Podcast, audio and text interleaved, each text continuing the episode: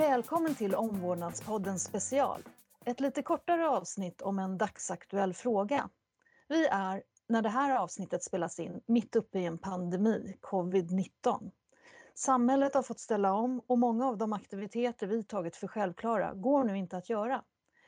Men människor är påhittiga och i kriser kommer många goda sidor fram. Jag heter Johanna Ulvarsson och arbetar för Svensk sjuksköterskeförening.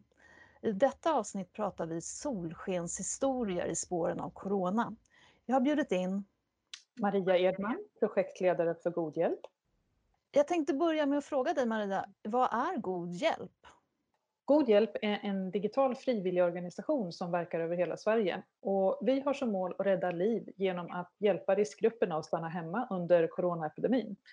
Det gör vi genom att eh, se till att våra volontärer hjälper dem med inköp av mat och apoteksvaror. Eh, och det gör man genom att man använder godhjälp.se där man registrerar sig som både volontär och det vi kallar hemmahjältar.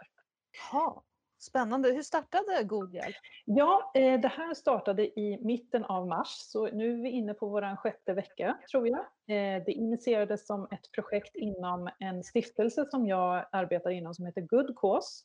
Eh, Good Cause är en stiftelse som i vanliga fall driver vanliga företag, men med den lilla knorren att vinsten går till välgörenhet. Vi driver idag till exempel god el och god dryck och god fond. Eh, här finns det ju ingen vinst att avvara med god hjälp, utan vinsten här är ju att rädda eller spara människoliv. Eh, och i det här så samarbetar vi med många andra organisationer och stora delar av Sveriges näringsliv, till exempel Norrsken, eh, Netlight, Microsoft, Google och flera andra organisationer som har gått samman med oss för att hjälpa till att göra gott under de här väldigt speciella omständigheterna. Hur länge har ni funnits? Eh, Good Cause har funnits ungefär tio år eh, och har drivit företag under den här tiden. Eh, men det, är det här är vårt första projekt som drivs inte som ett företag utan som ett projekt. Okej, det låter mm. fantastiskt spännande och vilket bra initiativ. Var det någon speciell person som kom på, oj, låt oss göra det här? Eller hur? Ja, det, det var Stefan Krok som ringde mig. Han är ordförande i Good Cause, stiftelsen. Eh, och han hade haft problem där hans föräldrar eh, behövde hjälp helt enkelt med att handla mat och gav sig ut till affären vilket gjorde honom frustrerad när han förstod riskerna de utsatte sig för, både för sig själva och en ökad risk för ökad belastning på vården. Eh, samma dag så var jag i min lokala ICA-affär och blev jättefrustrerad över alla människor inom riskgrupper som kom till ICA-affären för att handla sina matvaror, men också för att få lite social kontakt. Och det var där idén föddes till att här kan vi nog hjälpa till. Ja, ja det förstår jag.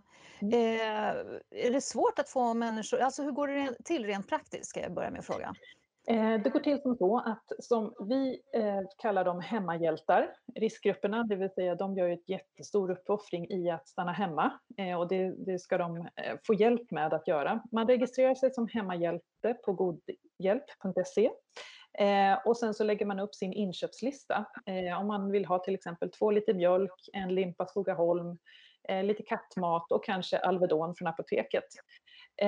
Sen registrerar sig volontärerna också och identifierar sig med mobilt bank-id så vi vet vem eh, vi skickar ut till hemmahjälten. Och volontärerna ser på en liten karta vad det finns inköpslistor att hjälpa till med, tar den inköpslistan och får kontaktuppgifter till hemmahjälten och sen så utför man handlingen. Och eh, då min fråga, är det eh, svårt att få folk att ställa upp eller är det lätt? Volontärer, inga problem alls. Vi har nu snart 3000 volontärer över hela Sverige eh, som är anslutna till oss. Eh, och det såg vi ganska tidigt att det finns ing, det, Sverige och Sveriges befolkning ställer upp på ett helt fantastiskt sätt. Eh, det vi identifierade som problemet var snarare att man som hemmahjälte eller riskgrupp ska be om hjälp. Och det är därför vi har vänt på det lite och ser att de gör en stor upp, uppoffring, insats och vi vill hjälpa dem med det. Att man inte ska känna att man ber om hjälp utan att man snarare eh, tar hjälp för att kunna göra sin del i den här coronaepidemin. Fungerar det? Ja, det tycker jag att det gör. Vi har idag 800 registrerade hemmahjältar, så på varje hemmahjälte går det ungefär fyra stycken volontärer. Ehm, vi, eh, vi förmedlar eh, hjälp över hela Sverige, vilket också känns väldigt värmande att man kan hjälpa till även i områden som kanske inte eh, vanliga frivilligorganisationer når ut till.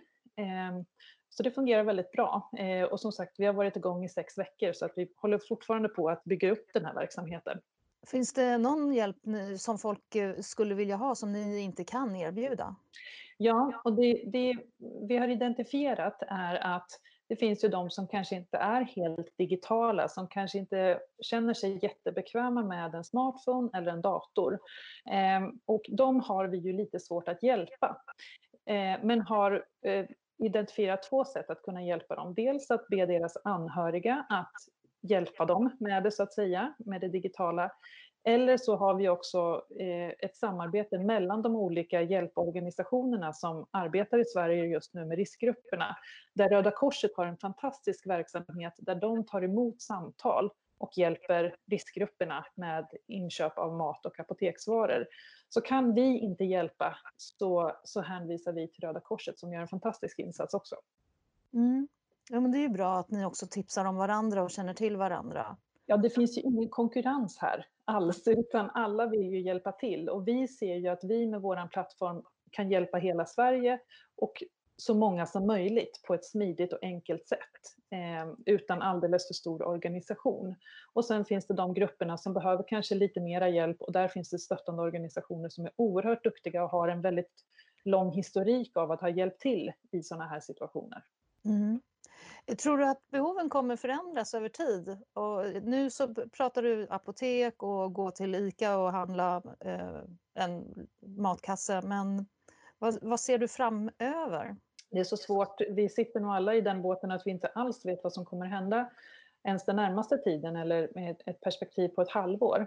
Eh, behoven tror jag och hoppas jag eh, kommer att bli bredare där riskgrupperna tar hjälp i större omfattning eh, och därmed få, har möjligheten att stanna hemma. Eh, och sen kommer ju behoven i en vardag att bli större, tror jag, för riskgrupperna, till exempel med de här läkarbesöken som nu flyttas fram. Eh, de kommer ju att behöva göras, men det, där kan ju inte godhjälp hjälpa till, men, men däremot så ser jag att ju längre tiden går så behöver ju det finnas en vardag i det här eh, också. Mm. Jag tänker på, eh, man har ju läst lite tidningsartiklar om eh, go goda initiativ, till exempel barberare som åker ut i sjukhusområdena och hjälper till att trimma skäggen eh, då, eh, för, för manlig personal som har svårt att sätta på sig de här gasmaskerna. Eh, och eh, man eh, ger eh, gåvor i form av mat och bröd och, och, sånt. Just när det kommer till eh, hårvård så är det, i Sverige är ju de flesta hårfrisörsalonger öppna, men i andra länder har de ju stängt och man har ju, det eh, finns en eh, corona frisyr går det rykten om nere i Europa. Eh, är, är det ett behov som ni skulle kunna identifiera också för de här hemmahjältarna?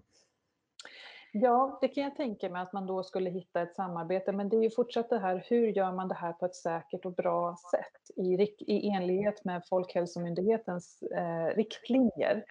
Eh, så där följer vi väldigt noggrant vad Folkhälsomyndigheten kommer ut i sina rekommendationer och riktlinjer i vad man kan och får eh, hjälpa till med och vad det finns för möjligheter framöver. Sen tror jag jättemycket på den här lokala kraften och där kan god hjälp stötta med en digital plattform, men det kanske är en lokal frisör som ser att den vill hjälpa till och då kanske vi kan hjälpa till med att förmedla kontakt med eh, hemmahjältarna om inte annat. Hur eh, fungerar det med GDPR och sådana eh, legala hinder som när folk ska registrera sig och skriva och ni eh, ska docka ihop? Ja, eh, det där har vi försökt att tänka till med, för att, eh, eller tänka till om. Det är ju så att vi vill ju inte på något sätt sprida personuppgifter till någon som inte ska ha dem. Och därför så ser man aldrig som volontär några uppgifter om hemmahjälpen innan man har tagit uppdraget. Så när man har tagit uppdraget att göra det här inköpet så får man namn och telefonnummer till den hemmahjälte som man ska hjälpa och så ringer man den personen och får där i samtalet adressen hem till den. Och på så sätt så försöker vi att minska eh, hur vi sprider och använder personuppgifter. Och på samma sätt så när volontären tar uppdraget så får även hemmahjälten ett mejl som säger nu kommer Maria då i mitt fall kontakta dig och hon har det här telefonnumret. För att skapa en trygghet och förutsägbarhet runt det här. Eh, våra, både våra hemmahjältar och våra volontärer godkänner våra regler som vi har för tjänsten, vilket också innebär att de följer Folkhälsomyndighetens rekommendationer och direktiv. Eh, och eh, man skriver också på ett avtal som volontär med ett mobilt bank-id, vilket gör att vi har full koll på vilka personer vi förmedlar kontakten till för våra hemmahjältar och full spårbarhet också. Ja, ja men det är väl bra för det, man, man undrar ju sen om någonting händer, vad, vad, hur går man vidare då? Men då har ni i alla fall koll på vem det skulle gälla. Ja, precis. Vi har koll på vem, eh, vem, vilken volontär hjälpte den här hemmahjälten eh, och när togs orden. Mm. Ser du några etiska dilemman eller problem när man ger gåvor på det här sättet? Utan, alltså förmånsbeskattning och sånt tänker jag på. Ehm, inte som vi har sett så här långt. Vi ser den stora utmaningen som vi, vi brottas med, det är att se till att riskgrupperna tar hjälp. Eh, och de behöver inte ta hjälp av oss, men de behöver se till att eh, känna sig eh, väldigt bekväma i att ta hjälp och se att de själva gör en insats. Ehm, så nej, vi har inte sett några, eftersom vi, är en, vi har ju ingen, inga intäkter i vår organisation eh, och det kostar ingenting utan det är en helt gratis tjänst så ser vi inte, har vi inte sett några legala eh, aspekter av det på det viset.